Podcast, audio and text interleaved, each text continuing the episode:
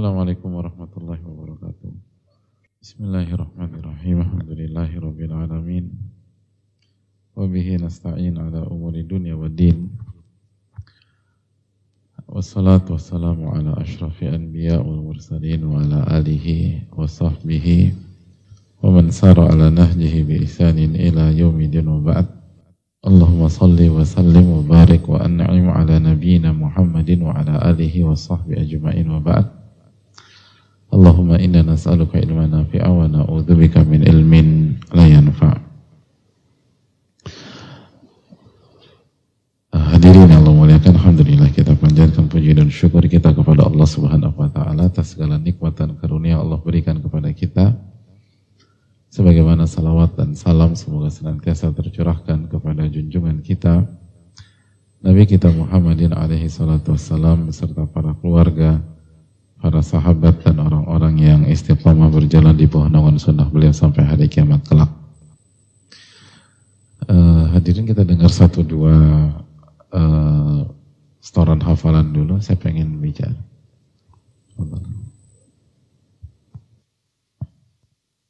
Bismillah. Assalamualaikum. Auzubillahi. Allahumma ini auzubika minal aji wal kasal ya Allah aku berlindung kepadamu dari kelemahan dan kemalasan. Wal jubni wal bukhl dari Enggak dengar sama sekali. Allah Allahumma ini a'udzubika minal ajzi wal kasal. Ya Allah aku berlindung kepadamu dari kelemahan dan kemalasan. Wal jubni wal bukhl dari sifat pengecut dan dari sifat dan dari sifat pengecut dan dari sifat kikir. Wal haram wa azabil qabr dan dari kepikunan dan dari azab kubur. Allahumma ati nafsi taqwaha ya Allah datangkanlah kepadaku. Datangkanlah ketakwaan kepada jiwaku. Wa zakaha anta khairu man zakaha dan engkaulah sebaik-baiknya pembersih jiwa. Anta waliyuha wa maulaha dan engkaulah pelindungnya dan engkaulah robnya.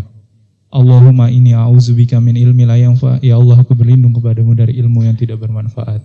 Wa min qalbi la yakhsha dari hati yang tidak khusyuk. Wa min nafsi la tasbah dari nafsu yang tidak pernah puas Wa min da'wati la yustajabu laha dari doa yang tidak terkabulkan. Amin. Baik. Uh, satu lagi siapa? Foto. Hmm, ya bisa. Bismillah.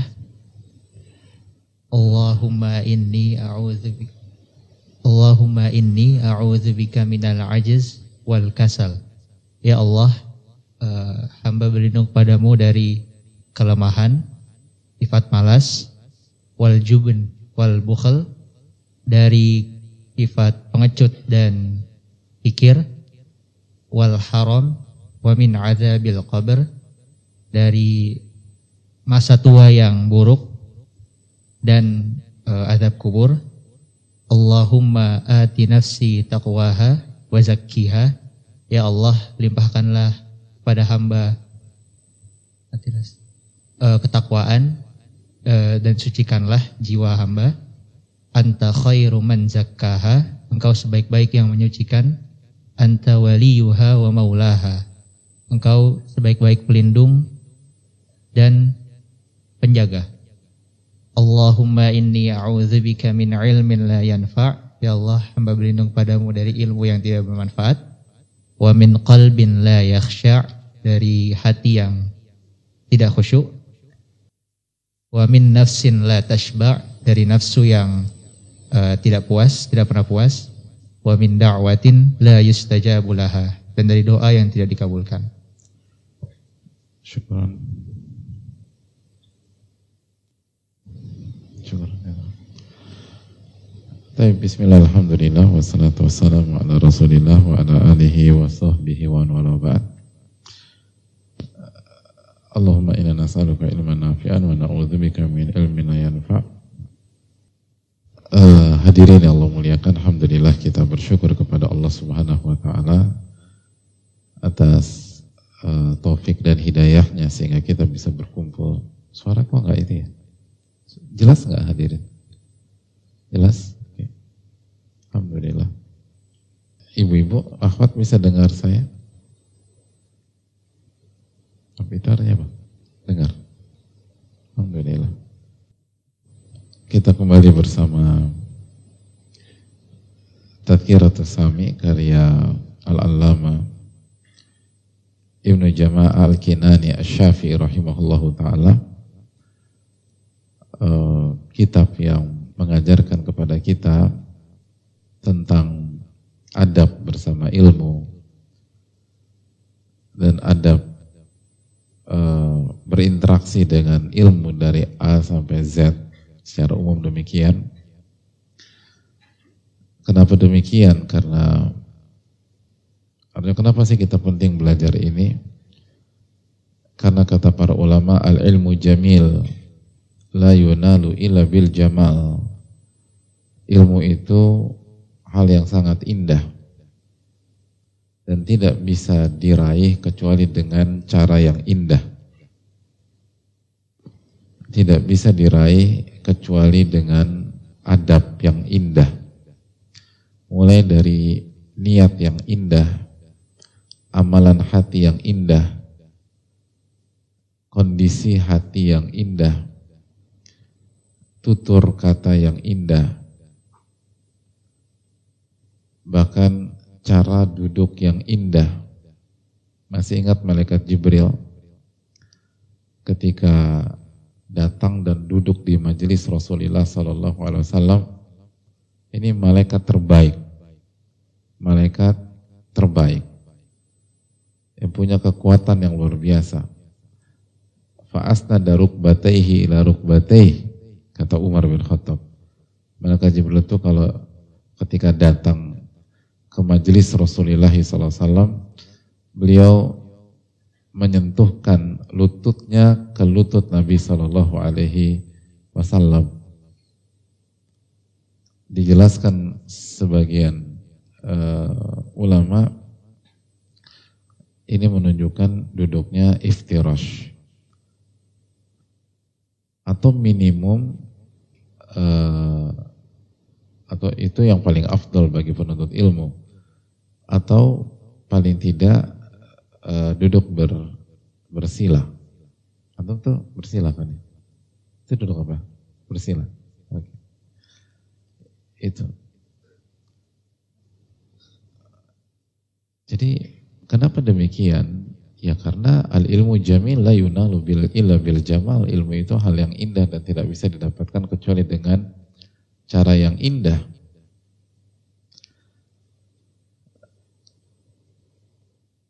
Dan inilah yang dikatakan oleh para ulama bahwa man la yukrim min ilma la yukrimhul ilmu. Barang siapa yang tidak memuliakan ilmu, ilmu tidak akan memuliakan dirinya. Makanya ulama sangat menekankan tentang ta'zimul ilm atau i'zamul ilm sebagaimana yang disampaikan Azarnuji rahimahullahu taala dalam Ta'limu Ta'lim juga dijelaskan oleh Al-Imam Ad-Darimi dalam sunannya dan para ulama-ulama yang yang lain. Hadirin yang Allah muliakan dan di antara adab seorang penuntut ilmu atau orang yang sudah ngaji dan ingin ilmunya bermanfaat adalah meninggalkan sifat al-khubuth atau uh, tutur kata yang buruk dan sikap yang buruk. Dan kita sudah jelaskan bahwa uh, Al-khubus hanya untuk orang-orang yang buruk. Al-khabithatu lil khabithin wal khabithuna lil khabithat. Salah satu makna dari ayat ini adalah tutur kata yang buruk dan sifat yang buruk atau sikap yang buruk itu hanya untuk orang-orang buruk dan hanya dilakukan oleh orang-orang buruk. Dan orang-orang buruk ya sikapnya buruk dan tutur katanya buruk kata Allah. Adapun tutur kata yang baik, sikap yang baik, itu hanya bisa diucapkan dan dilakukan oleh orang-orang baik. Litayyibat. Dan orang-orang baik hanya mau menggunakan cara yang baik. hanya mau menggunakan cara yang baik. Mereka tidak menghalalkan segala cara. Makanya kan Allah berfirman, "Qul hal yastawi alladzina ya'lamun walladzina la ya'lamun?" Emang sama ya orang yang berilmu dengan orang yang tidak berilmu? Beda. Dari semua hal beda. Makanya Allah tanya kepada kita, emangnya sama? Orang yang berilmu dengan orang yang tidak berilmu. Jawabannya berbeda, berbeda, nggak sama. Emangnya sama sikap orang berilmu dengan sikap orang yang nggak pernah yang nggak punya ilmu? Emangnya sama tutur kata orang yang belajar dengan orang yang nggak pernah belajar? Emangnya sama pemilihan diksi orang yang uh, mempelajari Al-Quran, Al-Quran dan Sunnah Nabi SAW dengan orang yang tidak mempelajari? Ya simpel aja, jangankan belajar Al-Quran dan Sunnah. Emangnya sama pemilihan diksi orang yang uh, hobinya baca novel-novel dengan kualitas bahasa yang tinggi dengan orang yang nggak pernah baca itu semua. Kan nggak mungkin sama. Apalagi, apakah sama cara bersikap orang-orang beriman dengan orang-orang yang tidak beriman? Nggak sama. Emangnya sama cara gestur orang-orang yang berilmu dengan orang-orang yang nggak berilmu? Beda. Kul hal yastawi alladzina ya alladzina ya'lamun walladzina la ya'lamun. Emangnya sama? Enggak sama hadirin. Itu yang Allah sebutkan dalam surat Az-Zumar ayat 9. Kita tidak tidak tidak menghalalkan segala cara. Ketika kita sudah belajar, ketika kita sudah ngaji, kita tidak menghalalkan segala cara, kita tidak mengucapkan semua kata, dan kita tidak menggunakan semua sikap atau semua respon, tidak. Hanya cara-cara yang elegan, hanya cara-cara yang indah, hanya cara-cara yang berkelas yang hendaknya digunakan. Kenapa? Karena itu menunjukkan kualitas kita sendiri. Pada saat kita bicara, kita sedang memperlihatkan kualitas kita di hadapan Allah Taala, lalu di hadapan manusia. Pada saat kita bersikap, kita sedang memperlihatkan kualitas kita dan kuali, di hadapan Allah lalu kualitas kita di hadapan manusia. Itu aja. Ya kalau Anda sedang present, ya Anda tunjukkan dong siapa diri Anda. Makanya menggunakan kata-kata yang buruk dan sikap yang buruk itu hanya membuka membuka tabir gitu. Siapa Anda dan siapa kita, itu aja. Jadi nggak ada yang nggak ada yang dipermalukan kecuali diri kita. Kita caci maki orang, sebenarnya bukan orang itu yang dipermalukan. Kita mempermalukan diri kita sendiri. Gitu. Oh, itu tadi. Wal al khabithatu lil. Kata-kata yang buruk itu hanya untuk orang yang buruk. Hanya orang yang buruk.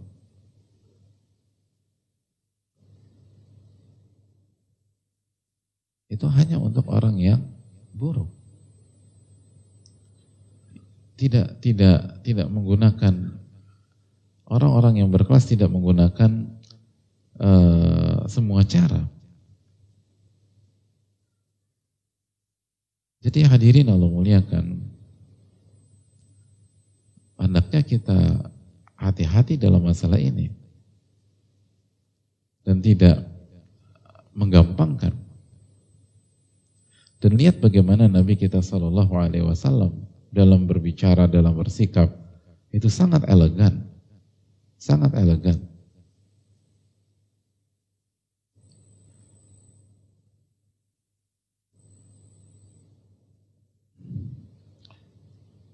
Apa kata Nabi SAW?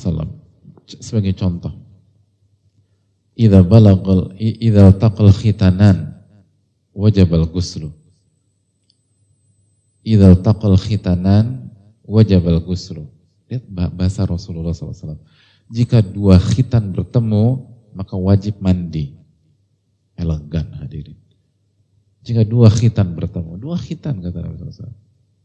Orang ngomong enak gitu, nyaman, gak risih. Gak, aduh, jangan bicara sekarang deh mas, masih masih ada anak-anak. Gak ada. Idza altaqa khitanan wajib al-ghuslu kata Nabi SAW. Jika dua khitan bertemu, maka dia wajib mandi. Itu Rasulullah Wasallam. Dunia ilmu mengajarkan itu hadirin. Maka ketika kita belajar, coba jaga lisan kita dan sikap kita di hadapan istri kita. Istri juga begitu, jaga lisannya dan sikapnya di hadapan suami. Kita jaga sikap kita, lisan kita di hadapan anak-anak. Anak-anak juga gitu, jaga lisannya di hadapan orang tua. Karena itu yang diajarkan oleh ilmu.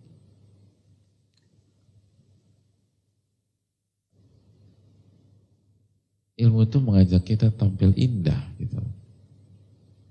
Lihat bagaimana Umar bin Khattab ketika dalam riwayat memanggil atau uh, memention Bilal kata Umar bin Khattab A'taqa Sayyiduna Abu Bakar Sayyidana Bilal dalam diriwayatkan. Kata Umar bin Khattab Sayyiduna Sayyid kami uh, tuanku kalau bahasa terjemahan yang terlihat tuanku Abu Bakar memerdekakan atau tuan kami Abu Bakar memerdekakan tuan kami Bilal gitu. Itu bahasa Indonesia tahun berapa tuh ada tuanku tuanku. Tapi itulah kualitas berbicara. Sangat sangat sangat berkelas. Sangat elegan. sangat menunjukkan uh, kualitas yang yang yang tinggi. Kenapa kenapa demikian? Karena dididik oleh Al-Quranul Karim dan Sunnah Nabi Sallallahu Alaihi Wasallam dua hal yang paling tinggi di dunia. Makanya kan dijelaskan sebagian para ulama bahwa penuntut ilmu yang mempelajari Al-Quran dan hadis Nabi SAW, ia, ia mempelajari hal yang paling tinggi di dunia, yang paling baik di dunia. Ada yang lebih baik daripada Al-Quran? Gak ada. Maka dia wajib menjadi orang yang paling baik di lingkungannya. Karena itu tadi, dia mempelajari hal yang paling baik. Kalau nggak salah itu disebutkan Al-Khatib Al-Baghdadi ya dan para ulama yang lain. Jadi orang yang belajar menuntut ilmu, dia mempelajari hal yang paling tinggi di dunia. Hal yang paling mewah, hal yang paling berkelas, hal yang paling tinggi value-nya. Maka dia wajib menjadi orang yang paling baik di lingkungannya. Bukan berarti menjadi orang paling bukan bukan berarti harus jadi orang yang benar semua, nggak pernah salah. Tidak. Kulo bani Adam khata. Setiap anak Adam banyak melakukan kesalahan. Tapi dia berusaha gitu loh. Berusaha memperbaiki diri, berusaha memperbaiki diksi, berusaha memperbaiki ucapan, berusaha memperbaiki lisan, berusaha memperbaiki sikap. Kenapa demikian? Karena sekali lagi dia belajar dari referensi terbaik di dunia. Dan itu kan kaedah, kaedah dasar hadirin sekalian. Ada orang informasi di sini, informasi. Ada. Pernah dengar uh, kaidah gigo, gigo. Apa arti gigo? Gigo sebuah kaidah dalam dunia informasi, artinya garbage in, garbage out gitu. Jadi kalau datanya garbage, datanya sampah, maka akan melahirkan hal yang sampah juga gitu. Tapi kalau data kita, data yang bagus, maka akan melahirkan hal yang yang bagus. Nah kalau data kita benar-benar Al-Quranul Karim dan hadith Nabi SAW yang sahih, yang original, mungkinkah melahirkan lisan yang kotor, yang kasar, yang suka nyinyir, yang suka merendahkan orang, suka menjatuhkan orang. Bagaimana bagaimana korelasinya hadirin? Itu tadi, kalau benar-benar kita mempelajari sunnah Nabi SAW, Nabi SAW mengatakan, idal takol khitanan, jika dua khitan bertemu, alma min alma, gitu loh. Air dari air, atau air disebabkan air. Lalu beliau mengatakan, e, jangan mengatakan khubuthat nafsi, laki, lebih katakan lakisat nafsi, gitu loh. Hindari kata-kata yang buruk. Mukmin itu tidak tidak hobi melaknat. Tidak hobi to'an gitu. Bukan la'an, bukan to'an, bukan orang yang suka melaknat, mencela, mencaci maki, menjatuhkan, bukan.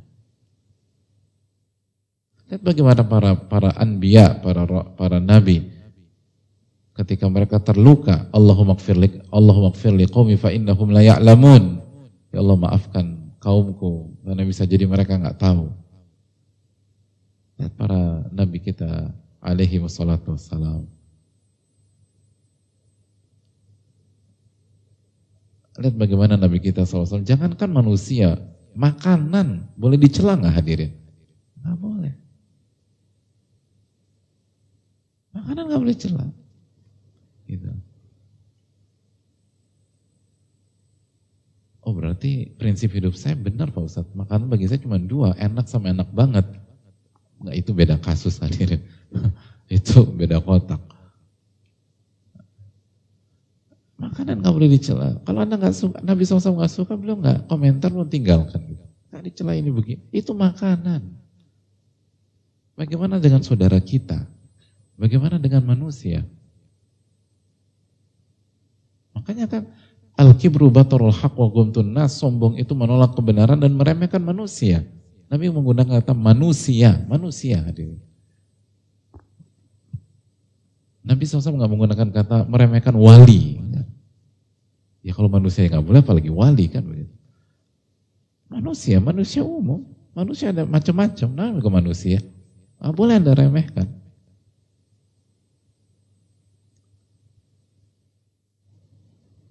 Makanya Al Hasan dan para ulama lain mengatakan zuhud yang sejati itu kan atau adalah ketika ketika seseorang keluar dari rumahnya tidaklah dia melihat seorang muslim kecuali dia merasa muslim itu lebih baik daripada diri dia.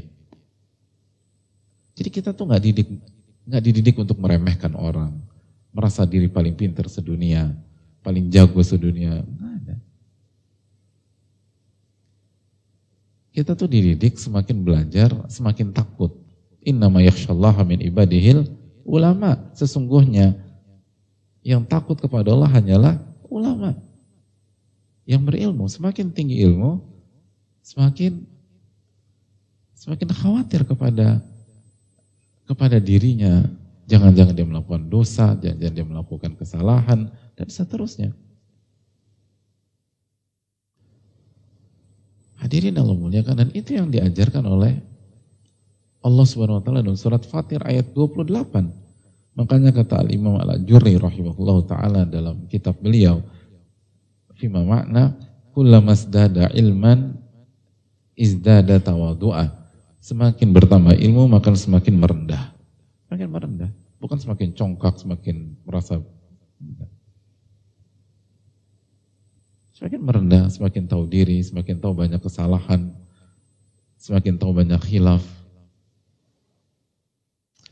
Makanya dari cara jalan saja, apa firman Allah dan subhanahu wa ta'ala dalam surat Al-Furqan, wa ibadur rahmanil ladzina yamshuna 'alal ardi hauna wa idza khatabahumul jahiluna qalu salama. Dan hamba-hamba Allah yang berjalan di atas permukaan bumi hauna, merendah. Cara jalannya merendah. Enggak petantang petenteng, enggak show of force tanpa ada maslahat syar'i ingin pamer untuk menunjukkan hauna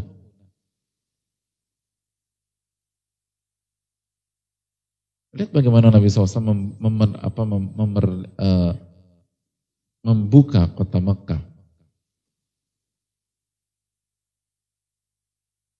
dan membersihkan dari kesyirikan beliau masuk menunduk menunduk hadirin nggak pamer, menunduk. Sangat-sangat elegan hadirin.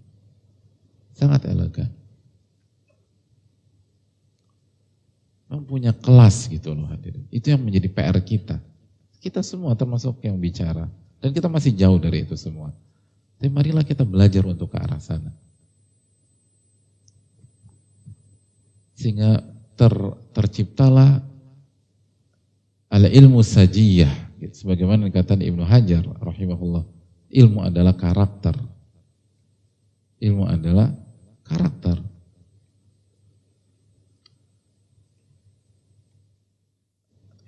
Jadi itu yang sangat sangat diharapkan.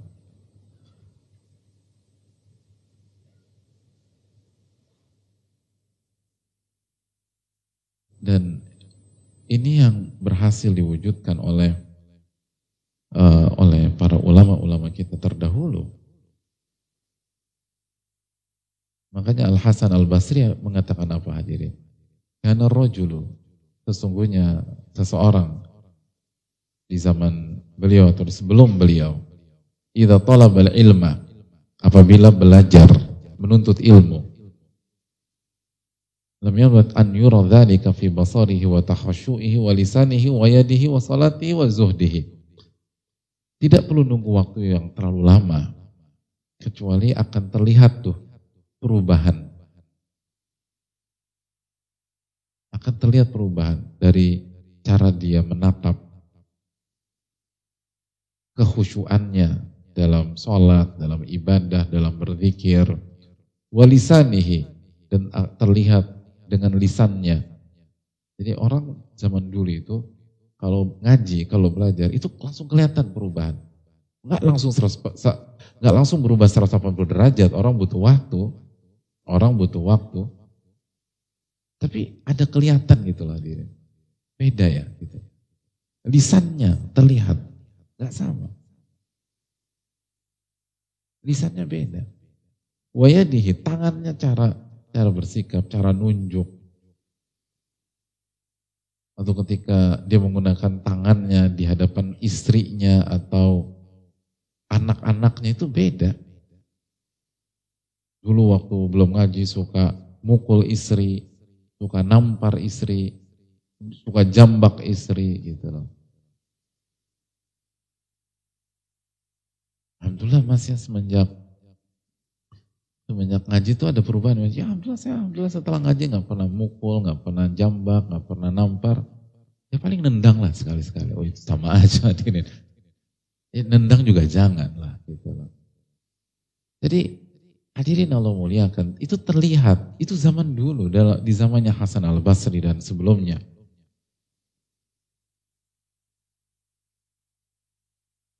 Sholatnya terlihat dalam sholatnya tenang. Gitu. Jaga sholat sunnah, apalagi sholat wajib. Lalu orientasinya terhadap dunia. Dulu dunia menjadi ambisinya, sekarang dunia hanya sarana. Walaupun tetap kaya nih orang. Bahkan mungkin tambah kaya. Tapi hatinya tuh nggak terbeli dan tidak tersandera oleh dunia. Ini bukan tentang kaya miskin. Zuhud itu tentang amalan hati hadirin. Jadi begitulah yang harus dibangun di dunia ilmu. Hati-hati dengan khubath. Harus terlihat. Dan ini juga bukan hanya bukan hanya laki-lakinya, wanitanya loh. Ibu-ibu masih ingat nggak hadis dialog antara Nabi SAW dan Aisyah radhiyallahu taala anha. Apa kata Nabi SAW? Ya Aisyah, saya tahu kapan kamu lagi nyaman dan kapan kamu lagi nggak nyaman. Gimana makna? Kalau kamu lagi nyaman, lagi sayang-sayangan dan seterusnya, kamu akan mengatakan, Ya Rabbi Muhammad. Wahai Robnya Muhammad. Tapi kalau kamu lagi nggak nyaman, wahai Aisyah, kamu akan mengatakan apa? Ya Rabba Ibrahim. Ya Rabba Ibrahim. Wahai Rabbnya Ibrahim. Jadi kalau Aisyah lagi nyaman, ya Rabba Muhammad. Tapi kalau lagi nggak nyaman, ya Rabba Ibrahim. Kata Aisyah, ya begitulah, saya hanya bisa eh, ya begitulah marah saya hanya bisa sampai titik itu gitu loh. Bayangkan hadirin. Ibu-ibu kalau marah gitu nggak? Hah? Loh, gimana sih ibu-ibu? Namanya diganti. Tapi tapi ibu-ibu jangan salah. Jangan sampai begitu dapat hadis ini langsung dipraktekkan besok atau lusa. Demi robnya Susanto. Susanto tetangga kita hadirin. Kan repot lagi. Kamu ada urusan apa sama Susanto? Gitu. Udah gitu Susanto baru cerai dua minggu lalu. Ini kan tambah repot lagi. Hadirin lihat siapa Nabi Ibrahim? Ada hubungan Nabi Ibrahim dengan Nabi kita SAW itu apa hadirin? Tetangga partner bisnis, rekan kerja. Nabi Ibrahim kakeknya Nabi SAW kan. Aman gitu loh. Lihat betapa indahnya wanita di zaman Nabi SAW. Lihat bagaimana Aisyah. Makanya Aisyah bisa menggabungkan antara kesantunan dan kebijakan dengan kejeniusan dan kecerdasan. Jadi beliau lagi nggak nyaman, lagi marah tuh mikir tuh hadirin. Kita nggak marah aja nggak mikir gitu. Gimana marah? Repot. Kita nggak marah aja nggak ngawur gitu kadang-kadang. Padahal lagi bahagia lagi sana. Aisyah tuh tahu dan tahu mengerti bagaimana menyikapi laki-laki. Makanya yang yang yang diganti itu bukan nama sembarangan, kakeknya. Nabi Ibrahim. Aman gitu. Nama antum diganti dengan nama kakek antum. Tenang kan antum? Tenang darah daging beliau. Tapi kalau nama antum diganti dengan nama partner antum, tunggu, tunggu, tunggu, tunggu. kamu duduk, duduk, duduk. Ya, tambah ribut laki-laki. Urusan apa kamu sama dia?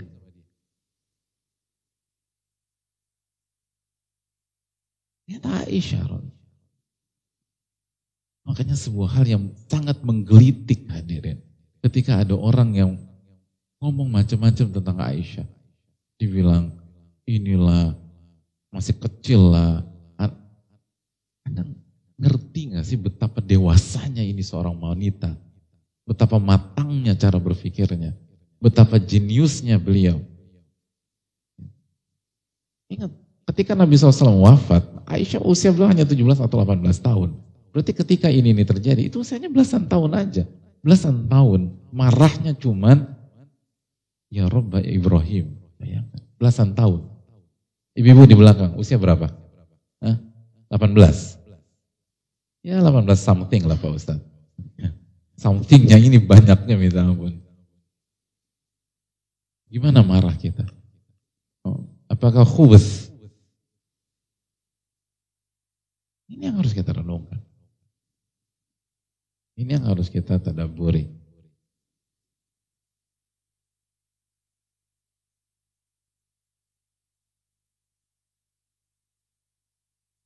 Ilmu itu mendidik kita untuk tampil beda, nggak sama.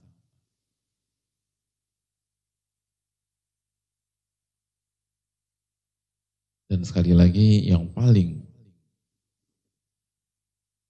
uh, berperan dalam masalah ini adalah lagi-lagi ilmu itu sendiri.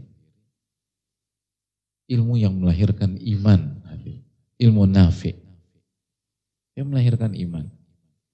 Ketika seorang hamba merasa diawasi oleh Allah.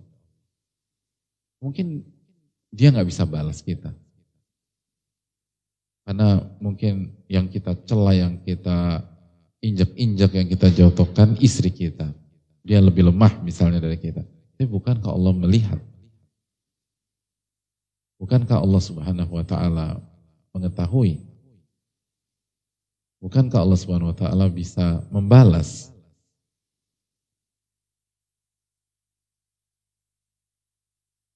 Makanya hadirin Allah muliakan.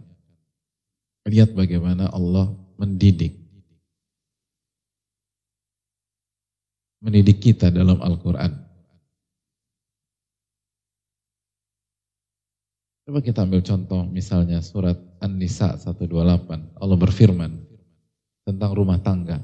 Wa in wa in wa in imra'atun khafat min ba'liha nushuzan aw i'rada fala junaha 'alaihima an yusriha bainahuma sulha wa sulhu khair. Dan dan apabila seorang wanita khawatir suaminya zolim au i'rada atau berpaling dari dia. Fala junaha alaihi ma an yusliha bainahuma sulha. Maka tidak ada masalah kalau mereka islah. Mereka berdamai. Yang konsekuensinya sering kali kita harus menanggalkan hak kita agar ketemu jalan jalan damai atau mendapatkan titik temu. Ya kalau dua-duanya ngotot sering kali nggak akan ketemu. Islah itu adalah ketika konsekuensinya kita menanggalkan hak kita. Dan Allah katakan wasulhu khair, berdamai itu lebih baik. Wa uhdiratil anfusus syuh. Dan memang nafsu itu pelit sekali kalau berkaitan dengan haknya. Terus wa in tuhsinu dan apabila, ini poinnya, dan apabila kalian berbuat ihsan dengan istri kalian, watattaku dan kalian bertakwa, fa innallaha kana bima ta'maluna khabira. Maka Allah Maha mengetahui apa yang kalian kerjakan. Ya.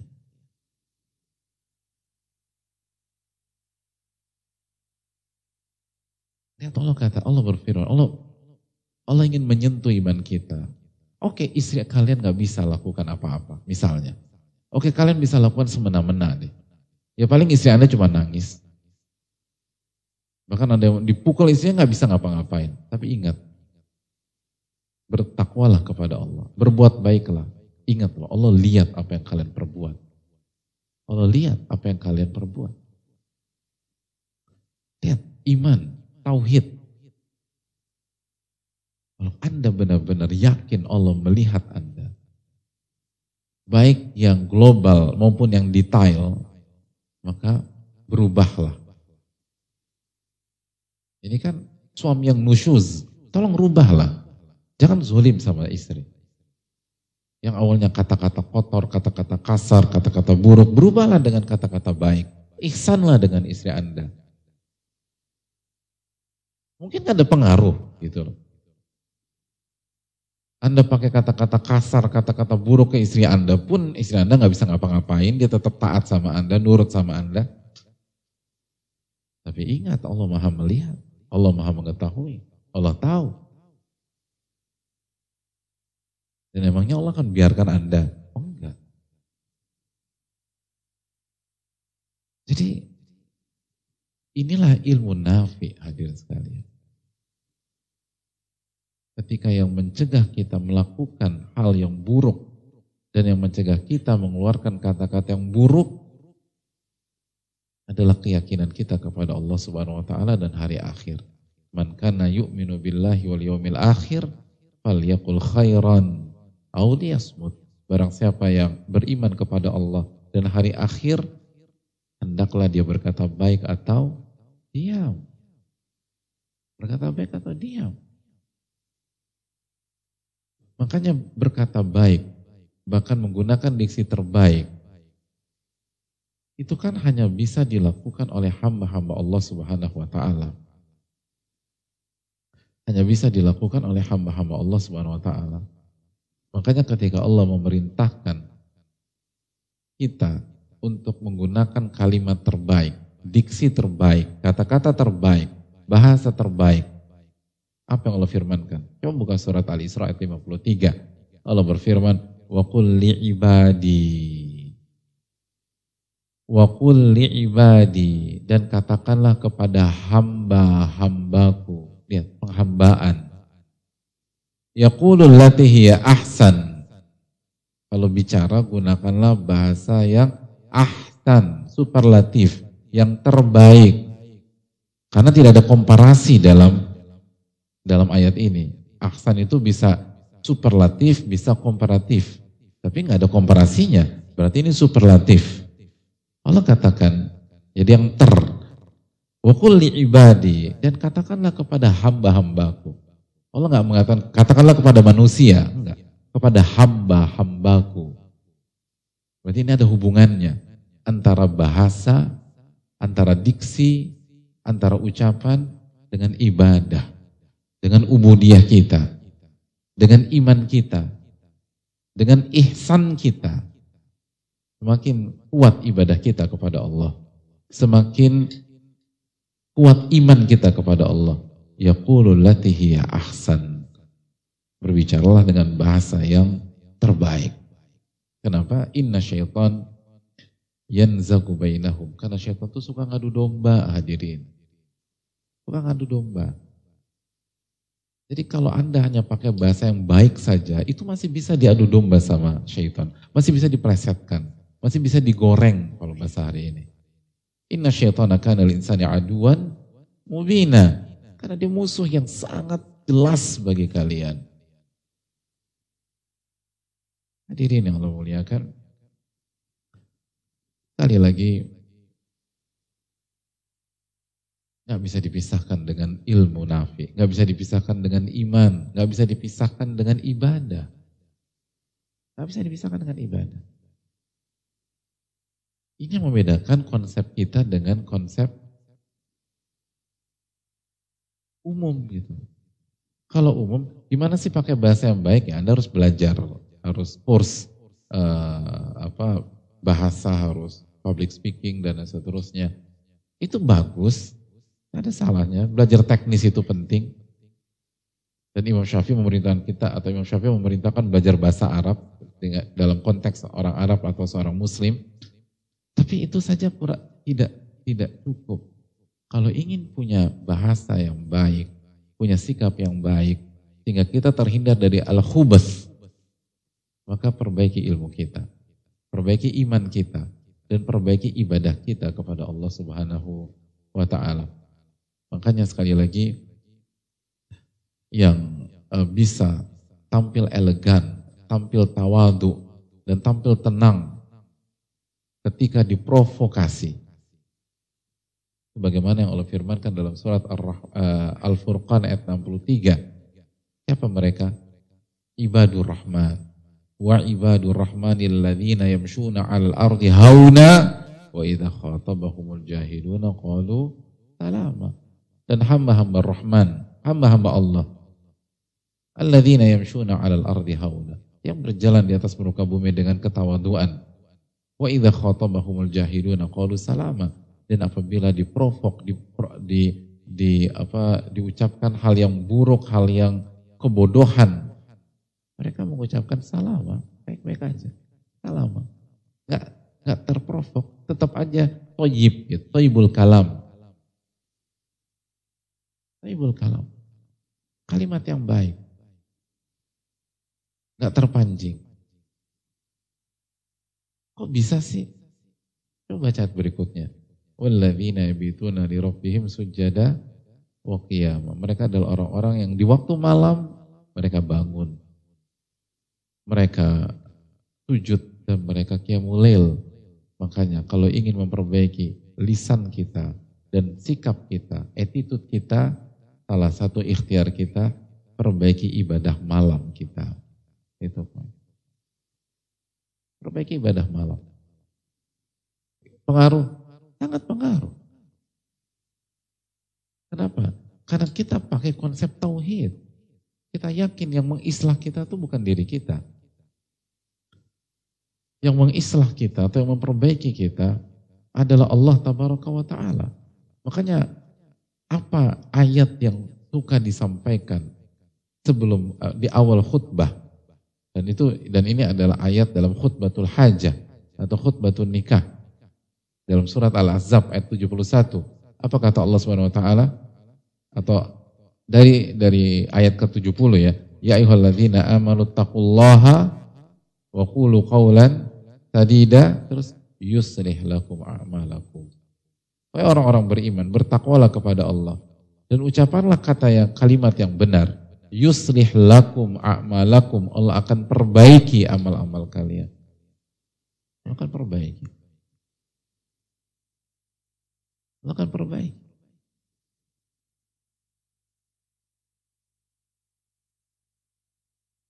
Jadi kalau kita ingin baik hadirin sekalian, perbaiki ilmu kita. Dan ilmu kita jangan hanya teori, jangan hanya maklumat. Perbaiki iman kita, perbaiki tauhid kita kepada Allah. Dan salah wajar hadir. Belum sempurna semua orang demikian. Tapi bagaimana grafik kita naik? Bagaimana kekeliruan kita itu terus terminimalisir, terminimalisir, terminimalisir. Siapa yang nggak pernah salah? Dan itu tadi kan, salah satu al-khubuth itu adalah khubuth dalam hati kata para ulama. Makanya orang-orang penuntut-penuntut ilmu itu nggak selalu dididik untuk baik sangka sama orang. Dan bukan polos. Gitu. Dan tetap kasih harapan. Masih ingat nggak kisah pembunuh 99 plus satu nyawa? Gimana hadisnya? Ada seorang pembunuh 99 nyawa datang ke rahib nanya, saya masih bisa tobat nggak? Apa kata rahib? Secara uh, apa kata dalam hadis tersebut? Oh nggak bisa mas. 99 berat.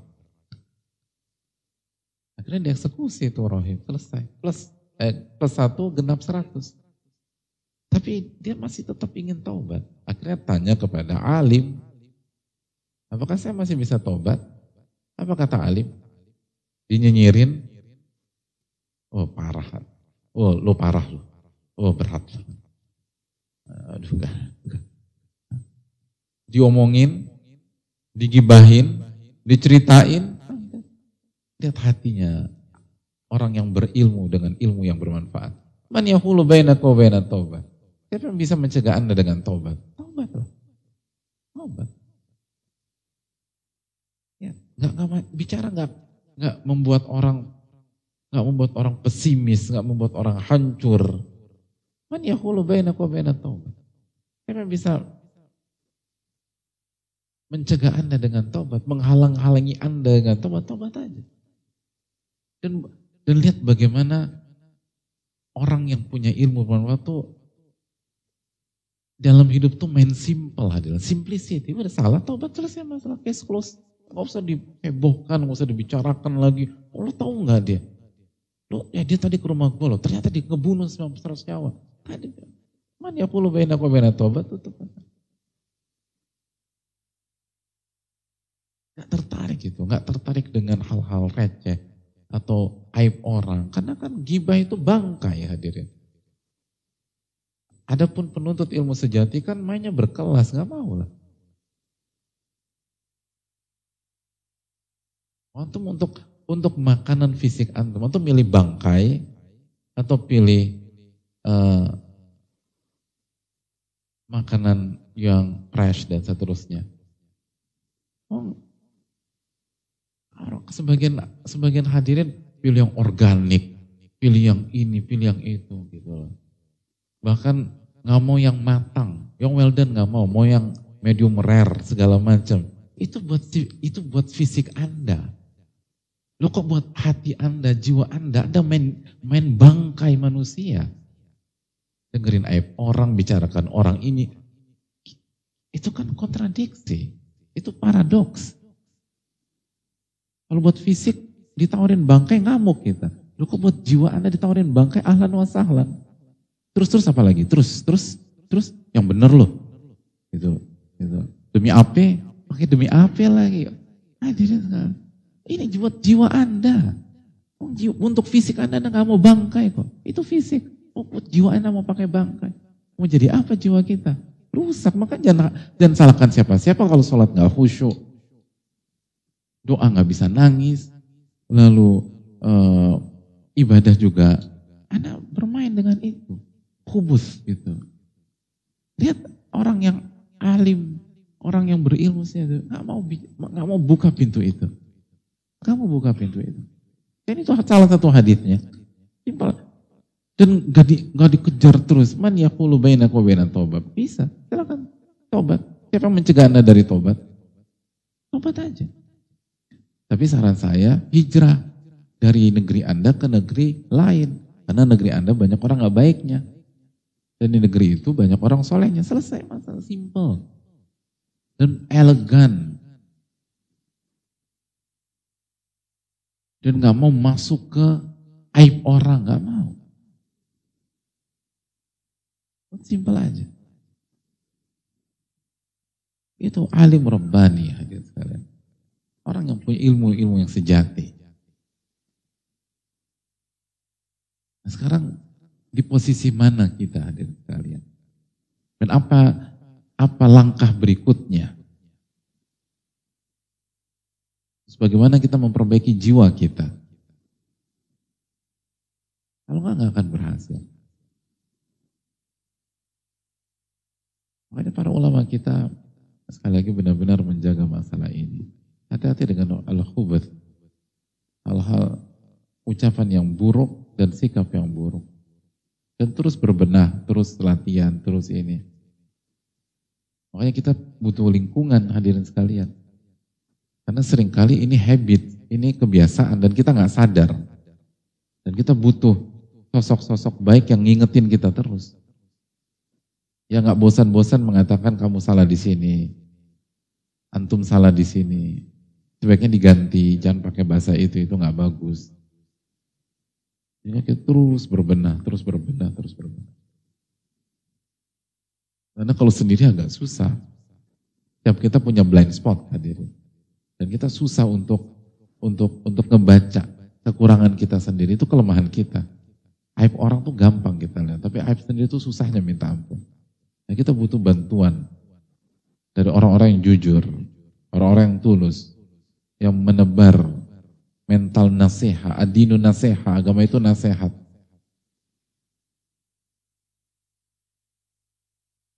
Hiduplah bersama mereka, bangun hubungan dengan mereka. Dan bersyukurlah ketika dikoreksi sama mereka.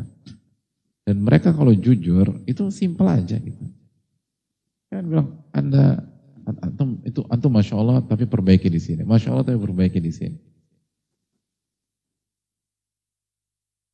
Itu yang perlu kita camkan uh, bersama-sama. Itu al al hubat hadirin sekalian dan itu yang harus dihindari. Uh, dan uh, terakhir sebelum sholat ya, maghrib berapa menit lagi? Empat menit lagi. Uh, dan di antara ayat yang harus kita renungkan dalam uh, bab ini adalah surat Al-Ma'idah ayat 100 ketika Allah berfirman Qul la yastawil khabithu wat tayyibu walau a'jabaka kathratul khabith. Katakanlah tidak sama antara yang buruk dengan yang baik.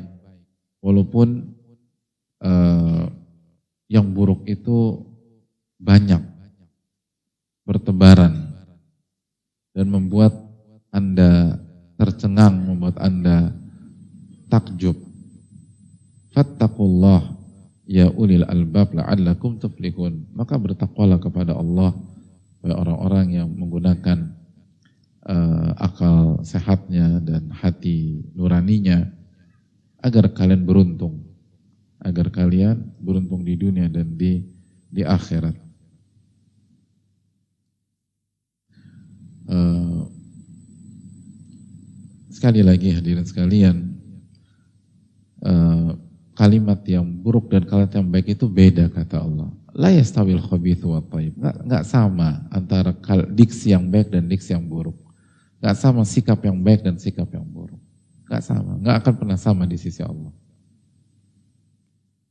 Makanya tetap tetap tetap bermain di level an, antum, tetap bermain di uh, level penuntut ilmu. Karena Allah nggak pernah menyamakan. Allah nggak pernah menyamakan. Mungkin uh, orang nggak nggak nggak mengapresiasi kita.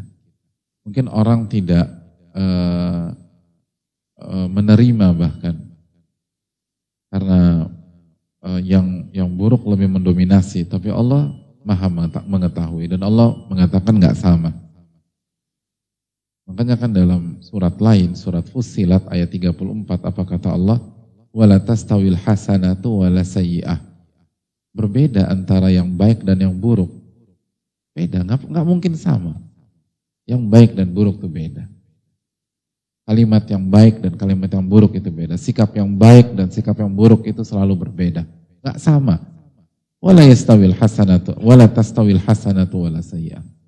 Makanya kita diminta untuk apa? Idfa billati ya ahsan. Balaslah yang buruk dengan yang baik atau yang lebih baik. Jadi tetap berada di level Anda gitu. Jangan yang lain pakai kata-kata buruk, Anda ikut-ikutan pakai kata-kata buruk. Jangan. Jangan terbawa arus gitu loh. Jangan terbawa arus. Jadi orang provokasi kita, kita masuk ke dalam gelanggang tersebut. Jangan. Tetap bermain di level. Di level penuntut ilmu. Di level orang yang takut kepada Allah.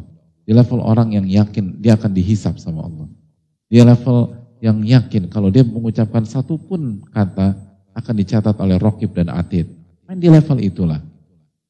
Ingat nggak nggak pernah sama.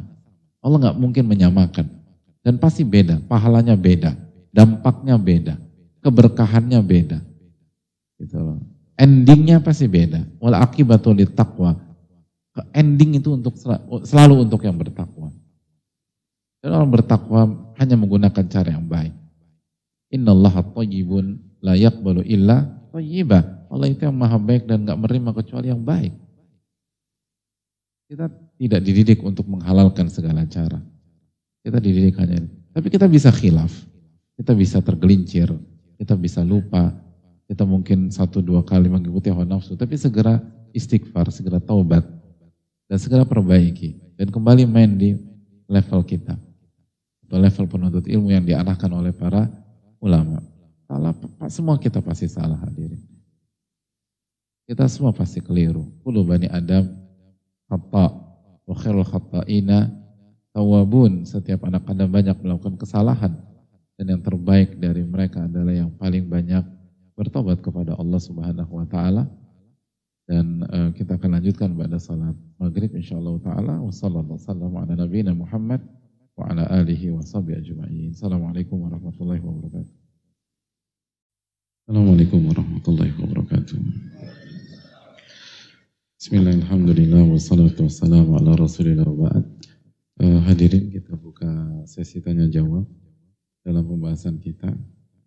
Dan uh, sekali lagi eh, PR kita adalah bagaimana memperbaiki diri dan itu dibangun bukan karena uh, bukan karena tujuan dunia tapi karena iman ilmu nafi dan uh, tauhid seseorang yang dia dapatkan pada saat dia belajar dengan keikhlasan.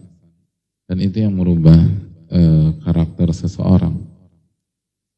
Intas dukillaha yasduka jika anda jujur kepada Allah, Allah akan wujudkan cita-cita anda. Kalau kita jujur kepada Allah, kita ingin berubah, kita ingin jadi lebih baik, dan kita ingin masuk surga, kita ingin bertemu dengan Rabbul Alamin, kita ingin melihat wajahnya subhanahu wa ta'ala, maka itu akan membuat kita berjuang untuk memperbaiki diri kita. Kita buka sesi tanya jawab. Wassalamualaikum Assalamualaikum warahmatullahi wabarakatuh. Waalaikumsalam warahmatullahi wabarakatuh. Eh, semoga Allah senantiasa merahmati uh, Ibnu Jama' Al-Kinani rahimahullah dan semoga Allah senantiasa memberkahi Ustadz keluarga kaum muslimin muslimat yang menyimak majelis taklim ini amin ya rabbal alamin dan yang juga tidak menyimak semoga Allah rahmati uh, Ustadz kajian kitab setiap Sabtu ini betul-betul maklumat yang merubah saya hari-hari saya dengan ilmu penuh hati-hati tapi perlahan futur lagi dan memudar dan memudar kehati-hatian saya seiring hari-hari menjauhi Sabtu sebelum di recharge kembali. Satu pekan sekali rasanya tidak cukup. Kalau untuk kajian online belum rutin Ustadz saya sering ketiduran. Kalau nyimak yang online, Rabbik Firli, ya Allah maafkan saya.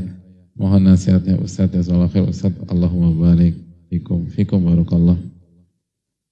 Uh, yang pertama masuk pondok aja hadirin, jadi biar kajiannya tiap hari.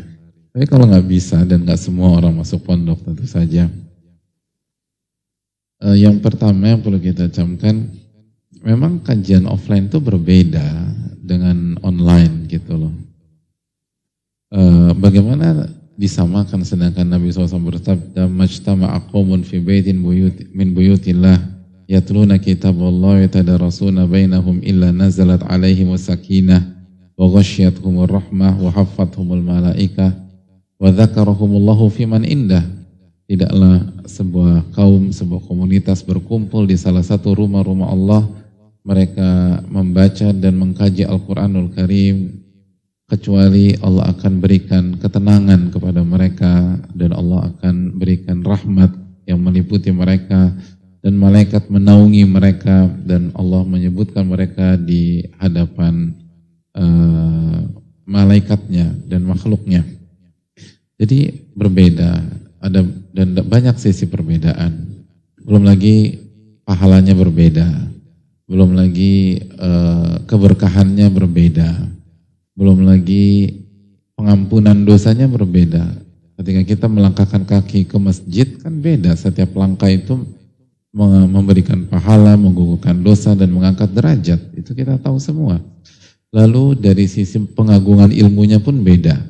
Dengan kita datang, maka kita mengamalkan kaidah para ulama al-ilmu yu'ta walayati. Ilmu itu didatangi, bukan mendatangi. Dan yang ketika kita mendatangi itu secara secara tersirat kita menjelaskan bahwa kita di bawah dan kita memuliakan hal tersebut. Dan ketika ada unsur pemuliaan, maka keberkahan pun juga berbeda, semua berbeda. Belum lagi atmosfer yang di di apa diberikan itu pun berbeda. Belum lagi eh, pengaruh orang-orang soleh yang hadir gitu loh, itu pun berbeda. Kita tahu orang-orang soleh memberikan keberkahan atau uh, itu salah satu sebab keberkahan. Nabi SAW bersabda, Inna minan nasi nasan mafatihu lil khairi maghaliqu syar. Sesungguhnya di antara manusia ada orang-orang yang Allah berikan kelebihan kemampuan dan peran menjadi kunci pembuka pintu-pintu kebaikan dan penutup pintu-pintu keburukan berbeda gitu loh. Atmosfer itu beda. Makanya para ulama mengatakan, jangankan berbicara dengan orang soleh, melihat orang soleh aja memberikan pengaruh. Bukankah seseorang yang melihat Nabi SAW dalam kondisi beriman dan wafat dalam kondisi beriman, maka dikategorikan sebagai sahabat radhiyallahu taala anhum dan mendapatkan keutamaan para sahabat. Itu melihat kan. Jadi hadirin Allah makanya kan uh, dalam definisi di atas kan tidak disyaratkan bicara dengan Nabi SAW. Melihat aja dalam kondisi beriman dan wafat dalam kondisi iman itu sahabat kategorinya. Jadi melihat orang yang bertakwa, orang-orang soleh itu memberikan pengaruh yang luar biasa. Dan dan atmosfer itu berbeda, atmosfer berbeda. Belum lagi uh, berkenalan. Kalau kita bisa bangun komunikasi, kita bisa berkenalan, kita bisa punya hubungan baik dengan orang-orang yang satu visi, ingin mendekat kepada Allah, ingin terus mentauhidkan Allah Subhanahu Wa Taala, maka itu dampaknya ke mana-mana. Lalu kita, kalau kita bersama istri kita dan anak-anak kita, kita punya quality time dengan mereka, kita bisa bangun sebuah uh, kegiatan rutin, lalu uh, sebelum berangkat ada narasi uh, ketika datang pun juga uh, apa namanya uh, dikondisikan lalu uh, anak diberikan kesempatan untuk menyaksikan dan merasakan atmosfer ketaatan lalu pulang evaluasi lalu ada canda ada uh, suasana uh, hangat dan mengalir lalu uh, begitu pulang ada introspeksi dan seterusnya itu kan luar biasa hadirin sekalian. Kalau benar-benar kita bisa manfaatkan itu ya. Jadi uh, hadirin Allah muliakan eh, nggak uh, bisa disamakan antara offline dan online. Makanya penting sekali, penting sekali, penting sekali. Ini bukan hanya maklumat gitu loh. Dan beda antara offline dan online aja dimengerti oleh uh, orang yang berkecimpung di bidang-bidang dunia gitu loh. Itu itu hal yang sangat sangat uh, jelas nampaknya. Coba antum tanya penggemar bola gitu loh. Emang sama nonton di stadion sama nonton di uh, layar kaca? Beda. Gitu loh. Bahkan kan ada tiga apa tiga tiga tingkatan nonton di stadion. Kalau nggak bisa nonton nobar bareng, baru di terakhir eh, nonton Senin itu terakhir gitu loh, grade-nya bagi penggemar bola gitu loh. Padahal kan kalau dilihat dari kenyamanan, lebih nyaman mana? Ke stadion atau ke atau nonton di nonton sendiri gitu misalnya bagi penggemar bola.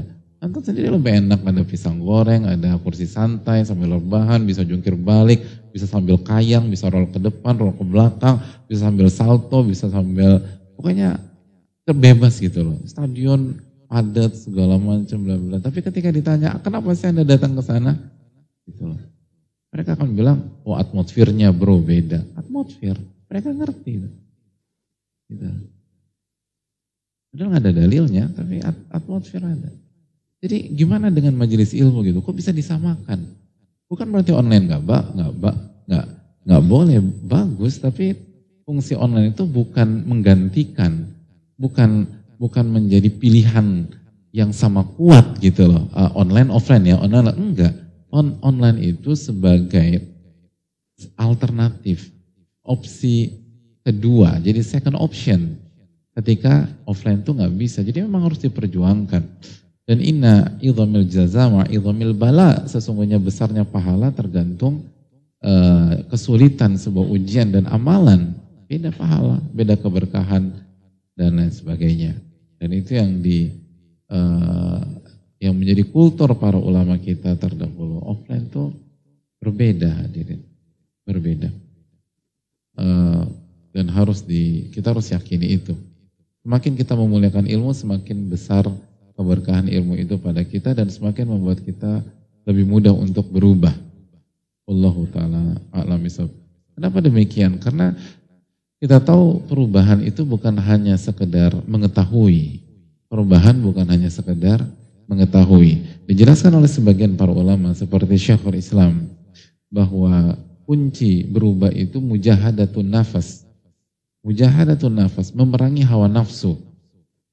Dan kita semua sepakat ketika kita kajian offline, sisi memerangi hawa nafsu kita jauh lebih besar daripada online, jauh lebih besar karena apa rasa malesnya lebih berat, ribetnya lebih banyak, segala macam. Apalagi kalau misalnya macet, hujan, Sabtu, crowdnya Jakarta, segala. Jadi ketika untuk sampai di sini itu kita harus benar-benar perang sama hawa nafsu kita yang inginnya santai, nyaman-nyaman, terus rebahan dan lain sebagainya. Itu menunjukkan bahwa potensi kita berubah semakin besar. Makanya kan al-mujahid man jahada nafsahu fi ta'atillah orang yang berjihad adalah orang yang berjihad melawan hawa nafsunya agar selalu on track di atas ketaatan kepada Allah Subhanahu wa taala. Jadi ini bukan tentang hanya tahu atau nggak tahu. Makanya kan suka kita sampaikan 99% umat Islam yang tidak sholat Jumat kemarin di Jakarta tahu nggak sholat Jumat itu wajib? Tahu 99% yang nggak sholat Jumat kemarin tahu sholat Jumat wajib. Ini bukan tentang tahu nggak tahu. Ini tentang bagaimana ilmu itu bermanfaat atau tidak. Ini tentang bagaimana kita mujahadatun nafas, melawan hawa nafsu kita. Dan itu nggak mudah, kecuali diberikan taufik oleh Allah Ta'ala. Jadi pentingnya kedatangan, pentingnya kedatangan. Dan kita harus uh, syiarkan, ini syiar, ini dan itu salah satu bentuk memakmurkan masjid, salah satu bentuk untuk uh, mengerjakan berbagai macam ketaatan, kita jadi sholat tahiyatul masjid, kita jadi sholat berjamaah, kita banyak hal. Kita jadi uh, ta'awun alal biri wa taqwa dan lain sebagainya. Allah Ta'ala sangat sangat penting. Dan itu yang harus di, uh, disosialisasikan lagi. Karena sering kali sebagian itu berpikir akan udah ada ini, ya ada, tapi beda pahalanya, beda keberkahannya, dan beda kebaikannya dan beda trickle down effectnya ke depan. Allah taala alam bisawab. Lalu yang berikutnya uh, yang berikutnya coba diamalkan. Coba di diamalkan. Jadi uh, kan kata para ulama qalilun yabqa fayanfa' khairun min kathir. Sedikit tapi menancap lalu bermanfaat itu lebih baik daripada banyak tapi eh, rapuh, menguap dan nggak bermanfaat sama sekali. Jadi yang sedikit itu coba dibaca, direnungkan, ditadaburi gitu loh. Lalu diterapkan pelan-pelan. Itu satu minggu itu cukup loh. Atau bahkan mungkin nggak cukup untuk mengamalkan uh, ilmu yang kita dapat dalam sebuah kajian. Asal benar-benar berusaha kita amalkan dari awal sampai akhir. Kecuali kalau ada yang keliru ya. Tapi kalau nggak ada yang keliru, itu coba kita amalkan itu satu minggu itu belum cukup. Kita ikut kajian tentang keikhlasan. Emang satu minggu cukup apa? Gak cukup. Kita ikut kajian tentang sabar gitu. Atau kayak hari ini deh. Kita belajar tentang menghindari al-khubath. Itu meng, e, menghilangkan diksi-diksi negatif yang selama ini biasa kita ucapkan. Itu bukan butuh satu minggu. Bisa jadi butuh 10 tahun atau lima tahun, atau tiga tahun, atau satu tahun untuk bisa bersih semua lisan kita dari kata-kata seperti itu. Jadi kalau kita punya spirit mengamalkan sebagaimana kita punya spirit untuk belajar, maka insya Allah uh, akan ada banyak kebaikan. Allah taala. Dan kalau dan berikutnya coba di di apa ditambah kajiannya, ikut kajian seminggu dua kali atau seterusnya. Tapi setiap orang berbeda-beda. Allah taala bisa. Uh, Bismillahirrahmanirrahim. Semoga Allah membalas kebaikan Imam Ibnu Jamaah rahimallah amin ya rabbal alamin serta ustadz dan keluarga senantiasa berikan keberkahan dan kebaikan oleh Allah. Amin ya rabbal alamin wa iyyakum. Assalamualaikum Waalaikumsalam. Izin bertanya, saya memiliki teman yang alhamdulillah diberikan kesempatan untuk umrah bulan ini. Tetapi dia merasa bahwa dirinya tidak pantas dan justru semakin takut untuk pergi ke sana Ustadz. Bagaimana cara saya meyakinkan teman saya Ustadz? Terima kasih atas pertanyaannya. E, kalau bicara pantas, siapa yang pantas ke sana hadirin sekalian? Oh, kita pendosa, kulubani Adam khata. Tapi Allah baik sama kita. Allah berfirman, Inna rahmati sabakot godobi rahmatku mengalahkan dan melampaui murkaku. Maka sekali lagi Eh, berangkat haji dan umrah adalah undangan dari Rabbul Alamin. Maka bergembiralah, maka semangatlah, maka optimislah dan hindari hal-hal tersebut. Dan uh, selama kita tawadu, selama kita merendah, maka insya Allah nggak akan ada apa-apa. Gitu loh. Yang dibalas di sana itu yang sombong, yang sombong, yang uh, angkuh, yang arogan, nah itu siap-siap di sana. Gitu. Tapi kalau orang yang tawadu, orang yang merendah, insya Allah Allah akan jaga. Gitu. Insya Allah Allah akan Allah akan jaga. Makanya Allah berfirman apa? Uh, dalam surat uh, Ali Imran ayat 96 Inna awala baitin wudi alin nasi lalladhi bi Bakkata mubaraka wa hudalil alamin Sesungguhnya rumah yang pertama kali dibuat atau dibangun adalah di Bakkah. Apa arti Bakkah? Makkah. Jadi kota ini bisa arti bisa bernama Makkah, bisa berarti, bermakna Bakkah. Nah, apa makna Bakkah atau kenapa kota ini dinamakan Bakkah? Di antara makna Bakkah hadirin dari Bakkah ya buku, di antara maknanya kata para ulama kota yang akan merendahkan setiap orang-orang yang sombong. Gitu loh. Yang menjatuhkan dan menghinakan orang yang sombong. Makanya orang-orang sombong hancur di sana. Kita lihat bagaimana uh, endingnya Abu Jahal, Abu Lahab selesai hadirin. Abraha, Abraha hadirin. Abraha, gitu loh. Pasukannya pakai apa hadirin? gajah, eh, pasukan gajah gitu. Icon kebesaran, keangkuhan. Terus dia mau robohkan itu Ka'bah dengan gajah-gajah tersebut. Allah hempaskan gitu loh. Allah hempaskan. Allah hempaskan dengan apa? Hah? Dengan burung gitu. Toyron ababil, burung. Gitu. Kenapa burung gitu? Kenapa enggak binatang-binatang besar aja gitu? Yang saya itu, biar seru ributnya gitu. Itu dihinakan hadirin. Dihinakan. Oh, Anda bawa gajah. Kita cukup kasih burung aja. Burung. Terus dijatuhin aja tuh batu-batu dari kerikil dari neraka. Tarmihim bihi jarotin mesijil. Selesai, habis, habis-habisnya. Jadi, jadi yang terpenting datang ke sana tawadu, merendah. Tunduk sama Allah. Maka itu akan menjadi eh, perjalanan yang begitu indah. Yang terpenting kalau berangkat itu berangkat dengan benar sesuai dengan sunnah Nabi SAW. Lalu yang kedua kita mengerti karakter di sana. Kita mengerti makna gitu loh. Dan yang ketiga dengan siapa kita berangkat gitu. Cari orang-orang soleh, orang-orang yang berusaha bertakwa. Ibnu Qudamah dalam Mukhtasar Min Hajil Qasidin mengatakan bahwa salah satu hal yang paling penting kalau mau berangkat haji dan umrah adalah dengan siapa kita berangkat. Cari orang-orang yang bertakwa, orang-orang yang baik, orang-orang yang saling support kebaikan, apalagi haji ya. Itu. Adapun yang lain itu nanti. Yang paling penting dengan siapa kita berangkat. Setelah kita berusaha ikhlas kepada Allah Subhanahu wa taala. Dan itu ahli dunia aja ngerti hadir. Orang yang hobi traveling, orang yang hobi traveling, yang yang hobi traveling nih, tanya faktor utama apa yang menentukan indah atau tidaknya sebuah perjalanan. Faktor pertama mereka sebutkan apa? Destinasi. Bukan. Teman. Teman perjalanannya tuh siapa? Teman perjalanannya siapa? Gitu loh. Kita ke destinasi terindah di dunia. Kalau teman safar kita nyebelin gak ada enak-enaknya hadirin. Beneran. Gak ada enak-enaknya. Ada seorang istri gitu, seorang istri mau berangkat sama suaminya ke Maldives misalnya. Dengan berdua aja.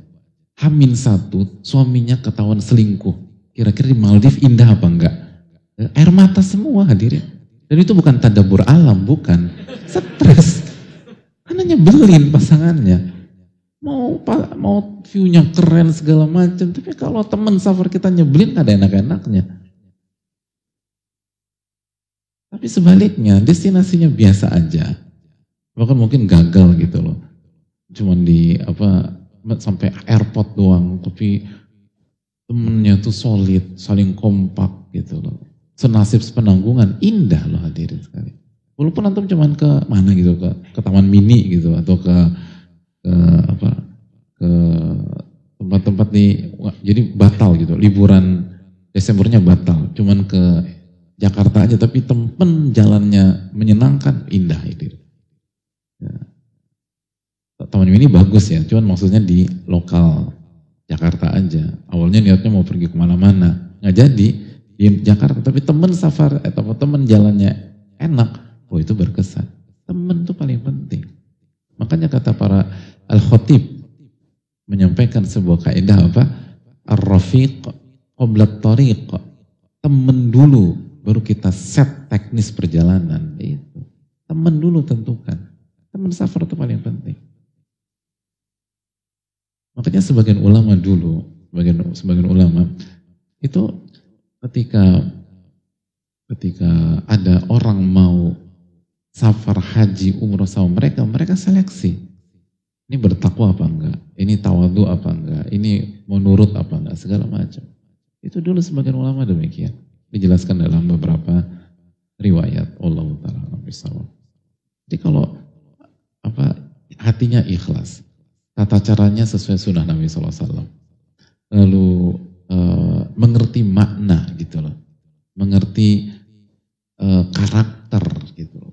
Karakter perjalanan itu penting hadirin. Karakter perjalanan itu penting.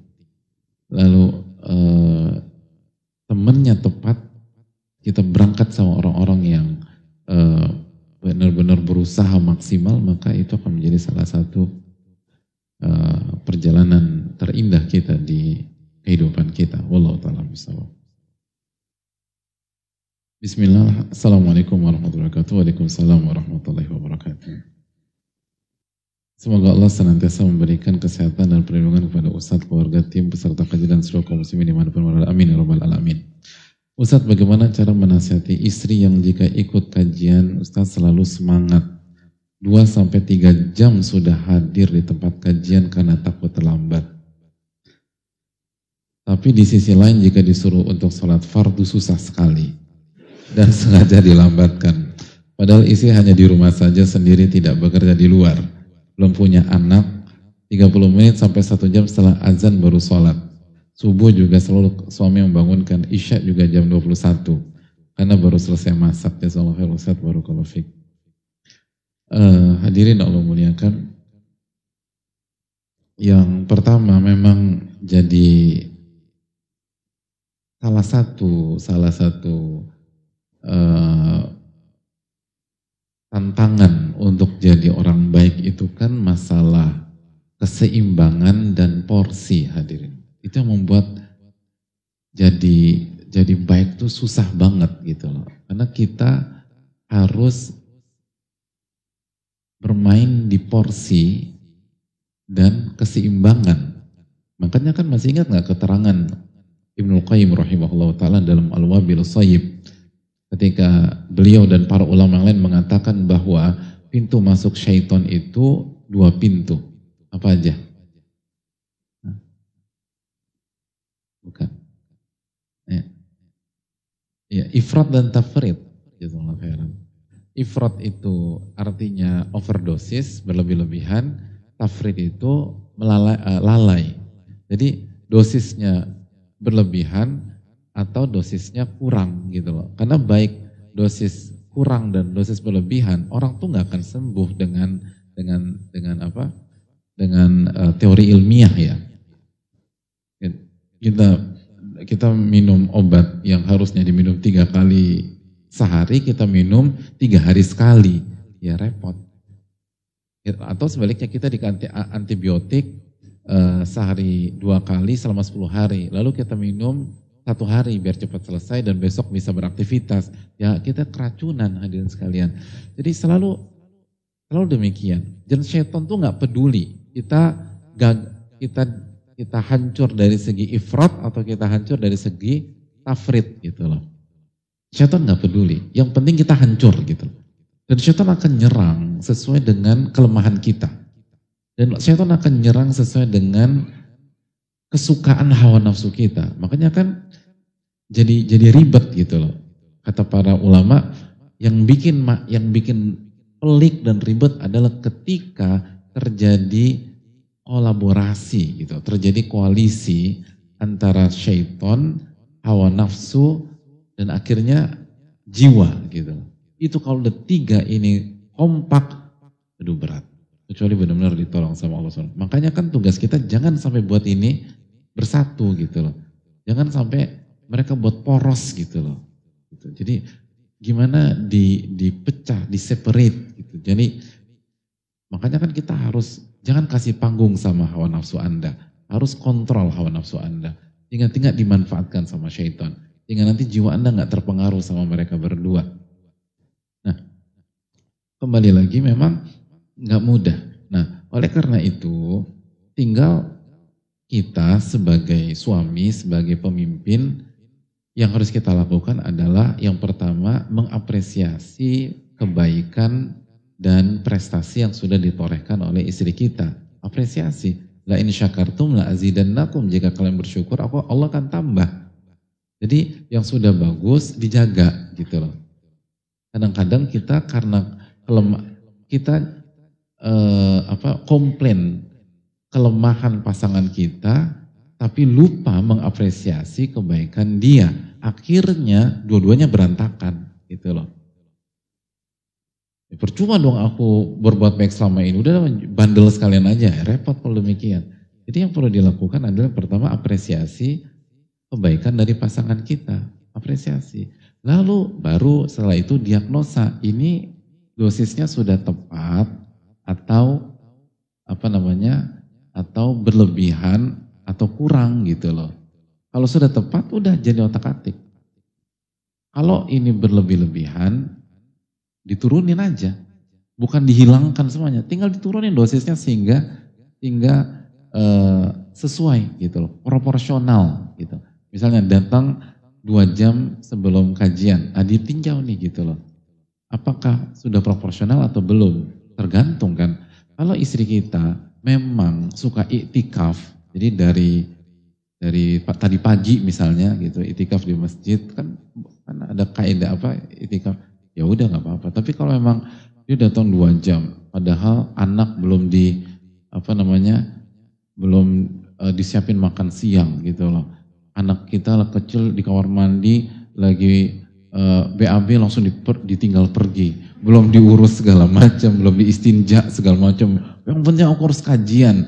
Nah ini kan ifrat ini hadirin, berlebih-lebihan gitu loh. Atau belum ngurus ini ngurus ini udah main udah pergi ke ke masjid aja padahal masih bisa masih ada waktu gitu loh.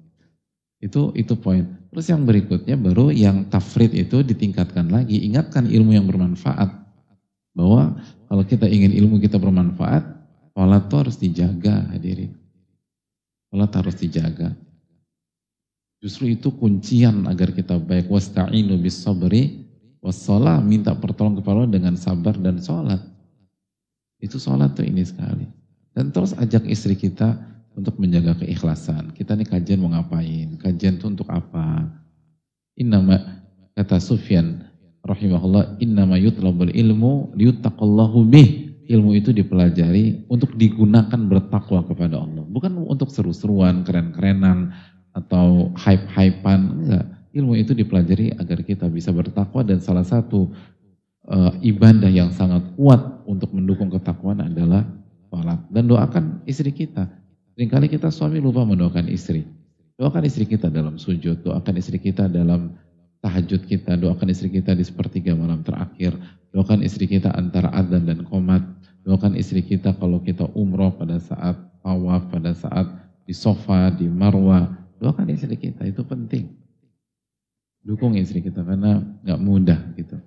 Wallahu taala alam bisawab.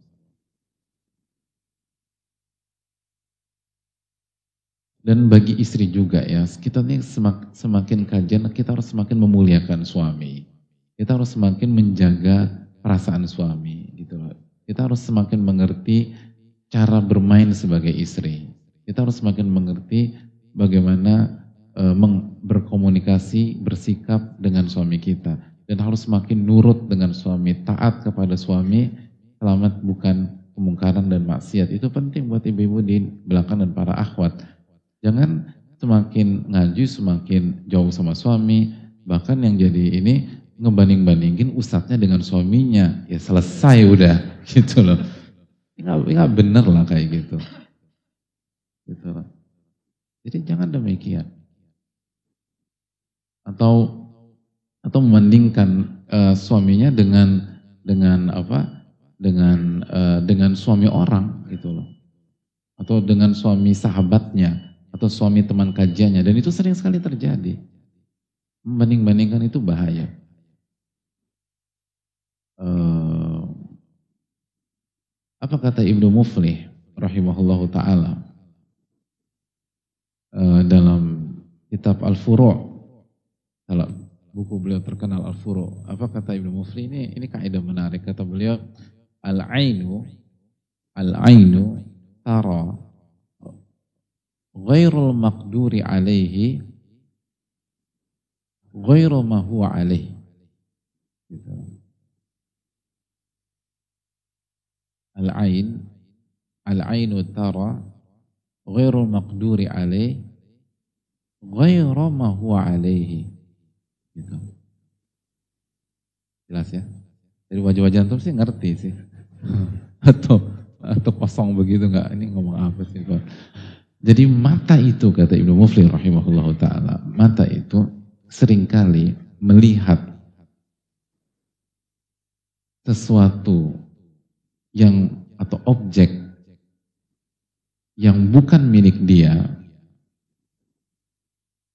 yang bukan takdirnya, itu melihat melihat sesuatu itu bukan sesuai dengan hakikatnya. Gitu. Jadi dia ngeliat ilusi.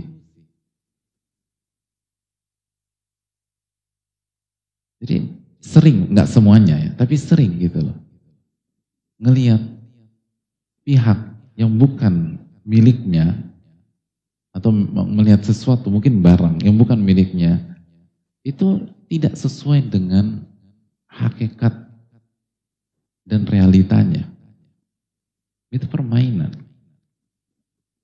Itu ujian. Itu hal penting gitu. Begitu di, di sebagian keterangan para ulama, wa idza malakathu dan kalau dia sudah memilikinya baru dia sadar ternyata nggak seindah apa yang dia lihat sebelumnya gitu. Maka jangan banding-bandingkan Bersyukurlah kita punya suami dan semua laki-laki banyak kekurangan.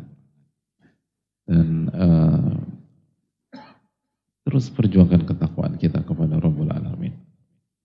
Allah Ta'ala alam misal mungkin itu. Nah, adanya. Saya rasa cukup sudah masuk Isya. Jazakallah khairan. Semoga kita mendapatkan ilmu nafi dan bisa memperbaiki diri kita. Semoga Allah mengampuni segala dosa dan khilaf kita. Allahumma inna nas'aluka ilman nafi'an wa na'udzubika min ilmi la yanfa'. Rabbana taqabbal minna. Subhanaka wa la ilaha illa anta astaghfiruka wa atubu ilaik. Assalamualaikum warahmatullahi wabarakatuh.